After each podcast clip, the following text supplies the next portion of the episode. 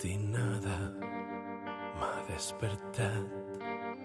Oh, vela, ciao, vela, ciao, vela, ciao, ciao, ciao, la matinada m'ha despertat i he descobert l'invasor. És el protagonista d'una de les primeres grans traïcions de la Guerra Civil Espanyola, una narració que té com a centre un diputat català a qui un desterrament va portar al Calà de Xivert per a convertir-se en una de les figures republicanes clau de Castelló. Francesc Casasala fou el cap de la columna que es va dirigir a Terol per a defendre legítimament la República i sufocar la rebel·lió de l'any 36 que allí havia triomfat. Conversem en aquest episodi amb especialistes que han anat a poc a poc reconstruint la història d'este diputat que va ser executat lluny de casa, un final tràgic que va truncar una biografia apassionant.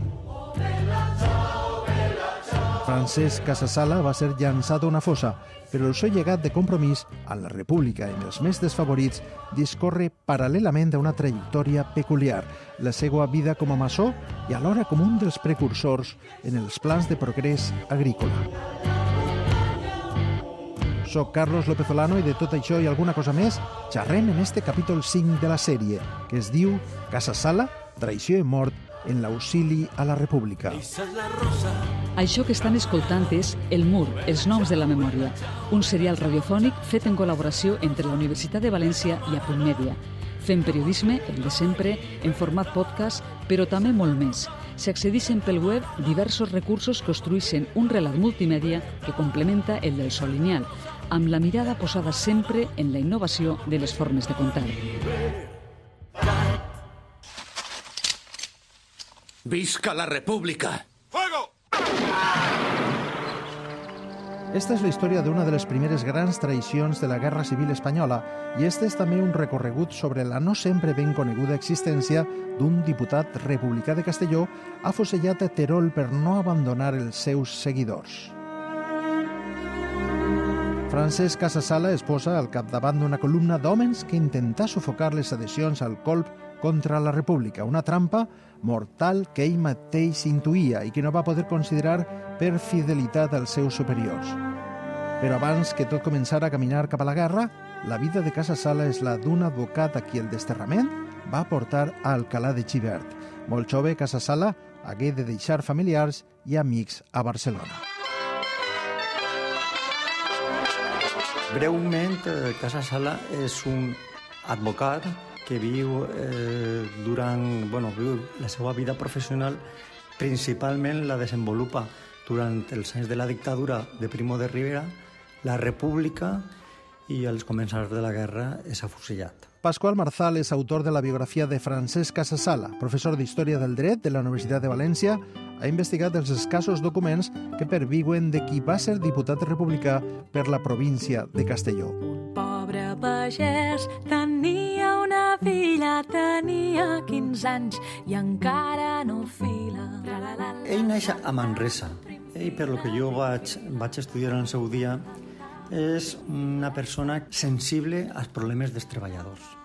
Des de molt jove, al Manresa n'hi ha problemes laborals greus, eh, ell és molt menut quan lo de la, la setmana tràgica, tràgica de Barcelona, i tot això jo crec que a ell li impacta. Francesc Casasala va ser uh, un manresà absolutament compromès amb la república i amb la justícia social i un defensor acèrrim dels, dels obrers i de les classes més necessitades de la societat, no? I això ja es pot constatar de seguida, des de la seva joventut. Ell acaba els estudis de dret a la Universitat de Barcelona i es dedica ja com a advocat a, a defensar les víctimes de la repressió dels terribles anys del pistolerisme. Qui parla és Joaquín Aloy, historiador, president de l'Associació Memòria i Història de Manresa. El seu relat ens parla d'un jove advocat carismàtic i amb una forta consciència social. Casa Sala no sols treballa en el bufet, també fa xerrades en sindicats i assumís la defensa d'obrers narcosindicalistes demanant l'indult dels condemnats a mort. Aquells anys eh, escriu algunes coses a la premsa manresana, és un esprit inquiet, eh, és un home molt culte, eh, s'interessa per tot, fa xerrades, té unes dots oratòries magnífiques, eh, té la capacitat de posar-se al públic a la butxaca de seguida i, i, i el seu prestigi és enorme ja. Eh, I era una persona molt estimada. Mireu-la que és galana, l'ensenya ciutadana, que llibertat Casa Sala en un principi va intentar residir a València, una ciutat que li permetia preservar els seus contactes polítics, però decidiren un aïllament més ferm i finalment fou desterrat al Calà de Xivert. Allí prontes guanyaria l'efecte de la seva terra d'adopció.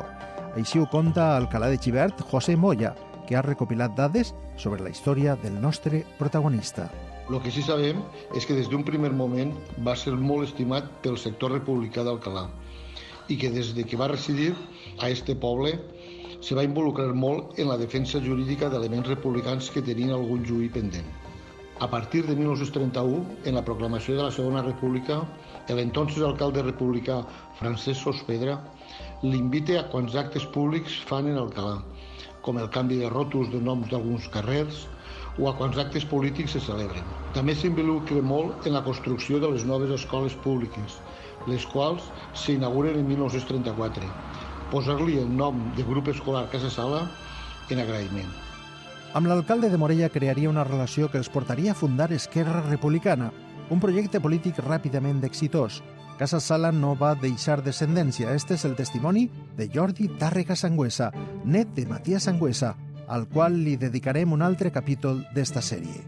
I va ser junt junt al meu avi i algunes persones més pues, dels impulsors de Republicana en, en aquestes comarques de, del nord del, del País Valencià, junt amb José María Lloria i alguna gent més.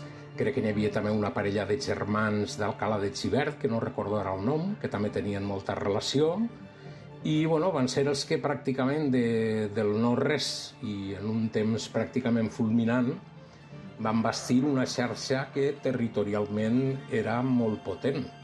Eh, de fet, bueno, doncs van aconseguir guanyar les eleccions eh, pràcticament en, en algunes comarques d'una manera arrolladora. No? Casa Sala va intentar millorar la vida de la gent que l'envoltava. Parlava amb molts llauradors i es va adonar que per a créixer la terra necessitava aigua. Volia un trasbassament per a Castelló. Ell és una persona que, per lo que diuen els pocs testimonis que he pogut consultar, és una persona molt afable, que se fa en la gent, que en Alcalà de Xivert pronte, eh, inclús la gent que no és republicana, el veu com una persona capaç de, de defensar els seus interessos i de, i de preocupar-se per ells. Una persona que prou humilde, se podria dir. A més a ella agafa com a, bandera un projecte que estava, que estava soterrat, que era el trasbassament de l'Ebre. En 1932, ell impulsa una, una comissió eh, un comitè per, a, per que es faci un trasbàs l'Ebre.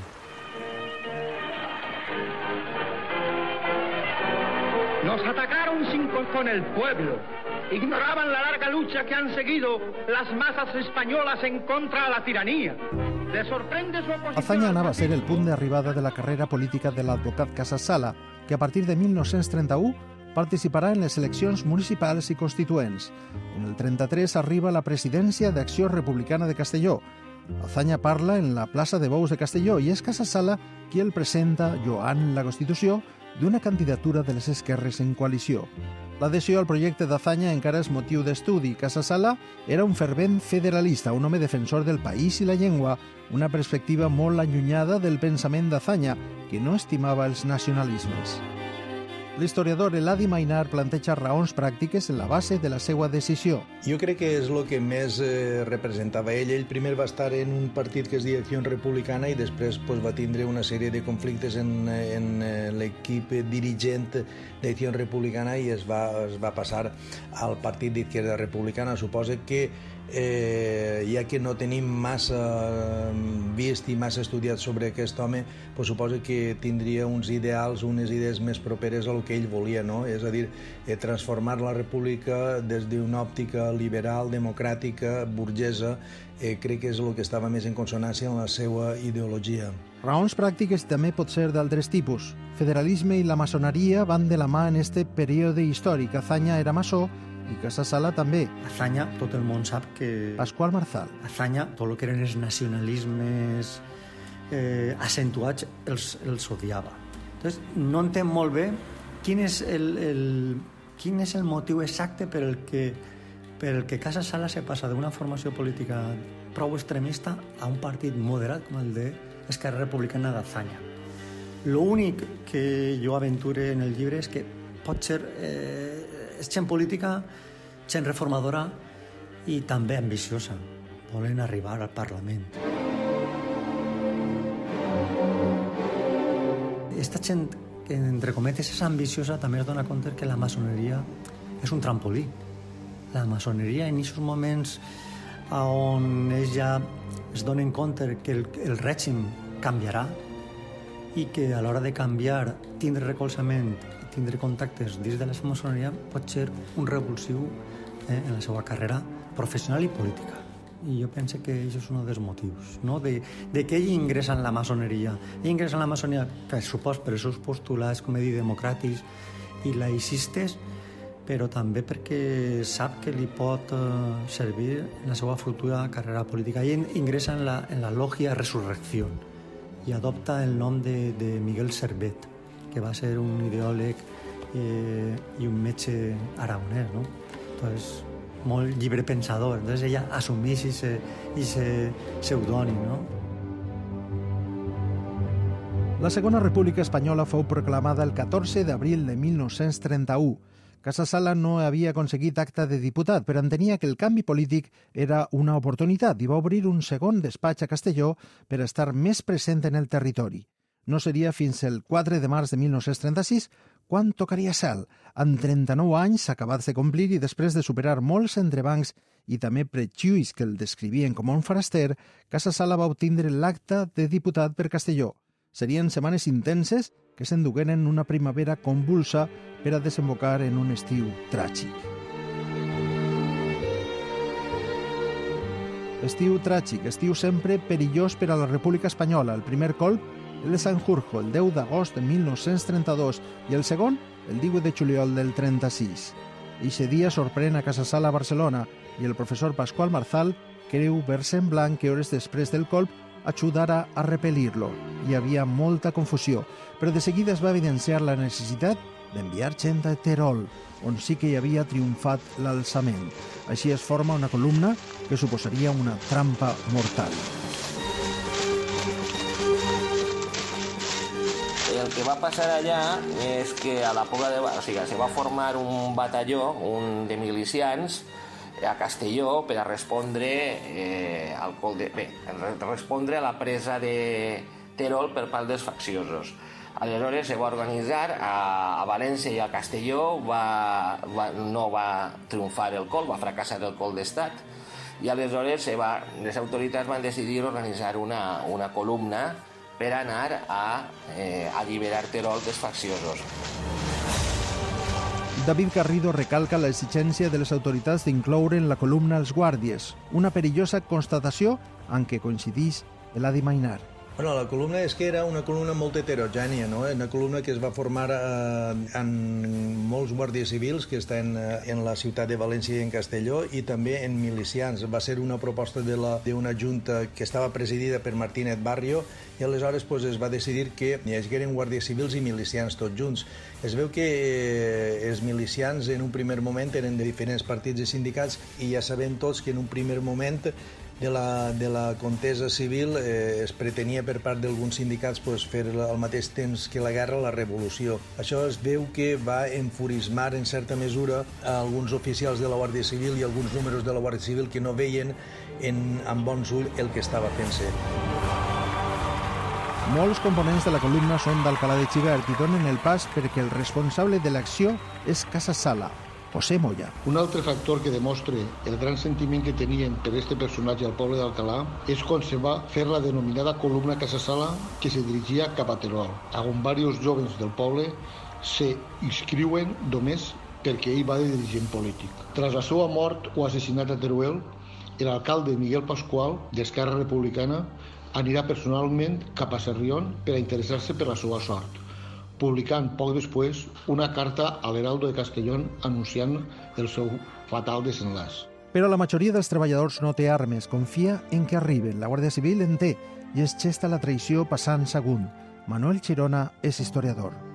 En el camí, des que han eixit de Castelló, van adherint-se eh, no només treballadors i gent republicana pròpiament dita, sinó també forces de la Guàrdia Civil, que s'incorporen i són els que de veritat tenen experiència en fusils i en armes i en tal. La gent del poble no té ni armes ni res. Però diuen, allí ja nos daran, ja nos daran allí, i ja irem. I, va, va, i se'n van, i se'n van, i se'n van. Casa Sala intuïa el perill d'integrar en la columna Guàrdies Civils. No se'n fiava i va expressar la seva desconfiança. Casa Sala organitza una columna de republicans que van a les, primers, les primeres setmanes de guerra, que van a parar al front de Terol. En la columna, ell n'hi ha un tema i és que mm, n'hi ha gent que s'oposa a que en aquesta columna vagin guàrdies civils. Guàrdies civils que diuen que s'havien adherit a la república però el governador de, de València pensa que en aquesta columna deuen d'anar a guàrdies civils que ells pensen que són fidels a la república. I això és la gran trampa, perquè quan arriben a la Pobla de Valverde aquests guàrdies civils ja han tingut contacte en, en, en, en les forces franquistes i, eh, en fi, eh, afusellen a la meitat, ahir n'hi ha un combat, afusellen a la meitat dels, dels republicans i tal. Eh, anaven venuts. El que parla és l'editor i escriptor Rafa Arnal. El cas és que ell va sospitar des del principi i després, amb l'evidència de la traïció, Casa Sala podria haver escapat de la mort. Un grup de milicians va aconseguir fugir i el va avisar de la traïció dels guàrdies civils. Però què passa? Abans d'arribar la columna de Casa Sala, el tros de la columna de Casa Sala que ve de Mora de Rubilos, els guàrdies civils es donen compte que ara estan en posició de força perquè n'hi ha més milicians eh, i estan desprevinguts. Entonces agafen les armes, es comença un tiroteig on moren varios, varios milicians i n'apressen n'apressen a més de 40. Què passa? Que alguns d'aquests milicians que, que havien sigut atacats fugixen, tots, a tots no s'apressen i fugixen i se'n van a buscar a la columna de Casa Sala. Li expliquen el que ha passat. Li expliquen que, que s'ha sublevat la Guàrdia Civil i que, i que no s'acoste perquè, perquè el poden apressar i pot, s'està jugant la, la seva vida. I, Casa Sala no va considerar el Consell dels milicians, se'n sentia responsable i en lloc de fugir va prendre la decisió que desembocaria en el seu final. Eh, això apareix en el llibre. Té una frase que diu així els milicians estan, han vingut per mi. Perquè jo s'he convocat. Jo sóc diputat de Castelló i ells han cregut en mi. Tinc que anar a veure què passa. I va, eh, va en el coronel Fernández Bujanda, que és el, el mando militar de la columna que és leal a la República, i van en un cotxe cap a, cap a la Pobla del Verder i abans d'arribar la Guàrdia Civil es cerca, els apunta en, en, en els fusils, ell intenta treure la pistola, una pistola que du, però l'amenacen que si treu la pistola el, el maten allà mateixa. Entonces la guarden. Una vegada pres, els guàrdies civils duen als milicians que, que tenen i a, i a Casa Sala i a Fernand Bujanda es duen a Terol i esperen ordres, la Guàrdia Civil espera ordres. I entonces se li fa un xui sumaríssim on se li acusa de rebel, de que ha incomplit els bandos de sublevats, de que ha anat en armes contra els militars, i a d'ell i al coronel Fernández Bujanda se les du al, al, al cementeri i se'ls afusella. Visca la República! ¡Fuego!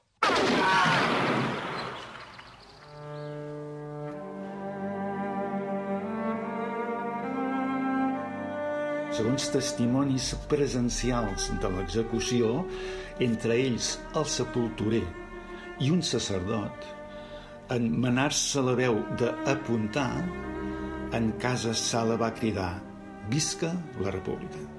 Eren les 12.30 del dia 1 d'agost i el seu, el seu cos reposa a la fossa 9, número 38, Mansarda 16 del cementiri municipal de Terol.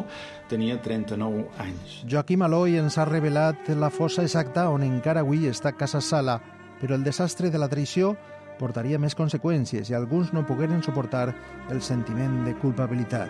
El que va passar és això, és és eh, allò que diríem una traïció. El coronel capdavant de la, el comandant capdavant de la Guàrdia Civil o responsables dels guàrdies civils que venien de Castelló doncs va acabar suïcidant-se, diguen que per remordiments d'aquesta traïció a companys. L'historiador David Garrido també fa una observació sobre els uniformes de l'anomenada columna Casa Sala. En la roba dels seus homes va voler deixar l'empremta del seu compromís a la terra que representava en el Parlament. I després eh, destacar una cosa, que a la columna Casa Sala doncs portaven els uniformes per a, per eixir al front, doncs és un uniforme, diguem, de color marró i no, no falta la senyera. Eh, per què dir la senyera? Eh, bueno, sí, la senyera, la senyera sense blau, òbviament, la senyera. La senyera per què? Perquè hi ha, una, hi ha un compromís també pel país. Ell és del país. I aquest compromís de, de allà, aquest, diguem, incipient valencianisme que no acaba en els temps de la República de, de diguem, de consolidar-se. Afusellat l'1 d'agost de 1936 a Terol, encara que la seva família i amics no tingueren confirmació d'esta execució.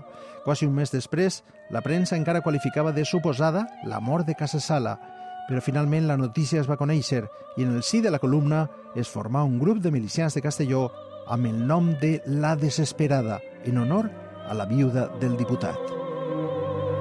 Ella estaria present el 18 d'abril de 1937 en el massiu homenatge al diputat afusellat que es va retre a Barcelona i es va posar el nom de Casa Sala a un carrer d'esta ciutat.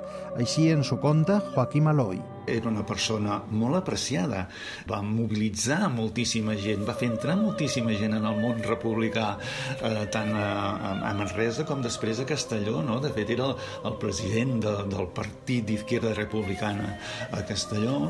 Eh, a Barcelona tenia molts coneguts eh, en el camp de l'advocacia i en el camp de la política, no? i aleshores eh, per això aquest homenatge eh, el 36 va ser multitudinari. Però ja el segon aniversari de la seva execució quedaria molt diluït. S'havia entrat ja en la guerra i hi havia milers de víctimes. El record de Casa Sala començà a quedar diluït sota el pes de la tragèdia nacional. Després Barcelona va llevar el seu nom del carrer per a dedicar-lo al duc de la Victòria, el personatge que va ordenar bombardejar Barcelona en 1842. És un diputat a Corts és un diputat d'esquerres, és un diputat que té la mala sort de morir al principi de la guerra. Eh, si haver sigut fusillat després, com a companys o altres, eh, haver eh, arreplegat l'aureola de represaliat. L'editor Rafarnal pensa que la memòria ha passat per alt la vida de molts republicans. S'ha mitificat molt. Eh, ara estem en els temps eh, de la memòria democràtica i la memòria de, democràtica, per lo que se veu, afecta als comunistes i als socialistes quan en realitat la, la memòria republicana d'aquest país és republicana, és a dir, eh, els partits de, de, el gran partit de la, de la república és Esquerra Republicana. En el record de l'ideari de Casa Sala queda la reflexió del net de Matías Sangüesa, el seu company en la fundació d'Esquerra Republicana, recordant l'objectiu d'una posició laica en l'ensenyament. Rebutja les acusacions que vingueren després dels atacs als religiosos. A mi em consta que després s'ha criticat molt i, i s'ha d'alguna manera adulterat el sentit. El meu avi i Casasala i tots els seus companys eren uns convençuts laicistes i en canvi la lectura que s'ha fet després era com anticlericals, no? o menjar capellans. I clar, no va per aquí la cosa.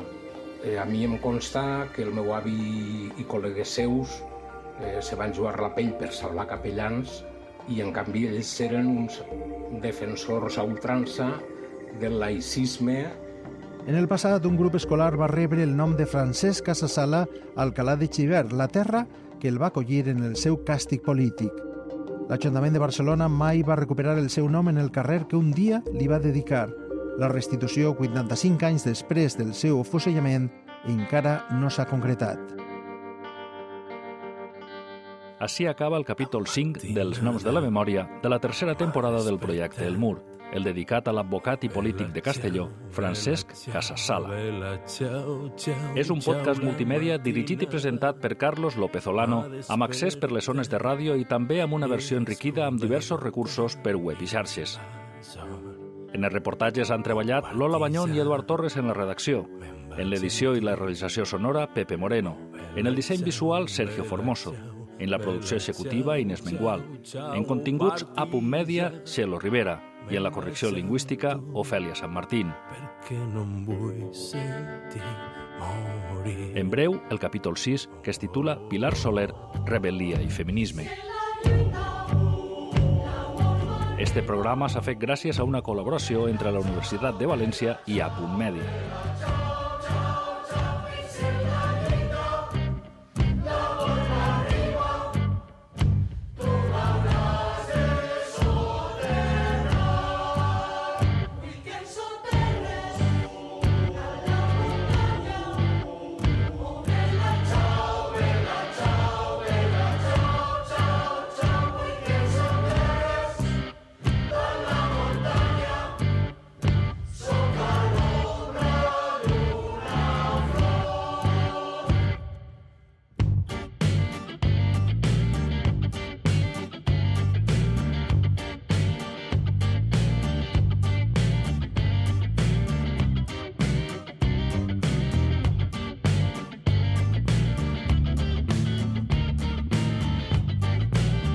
i aquell que veja la meua rosa.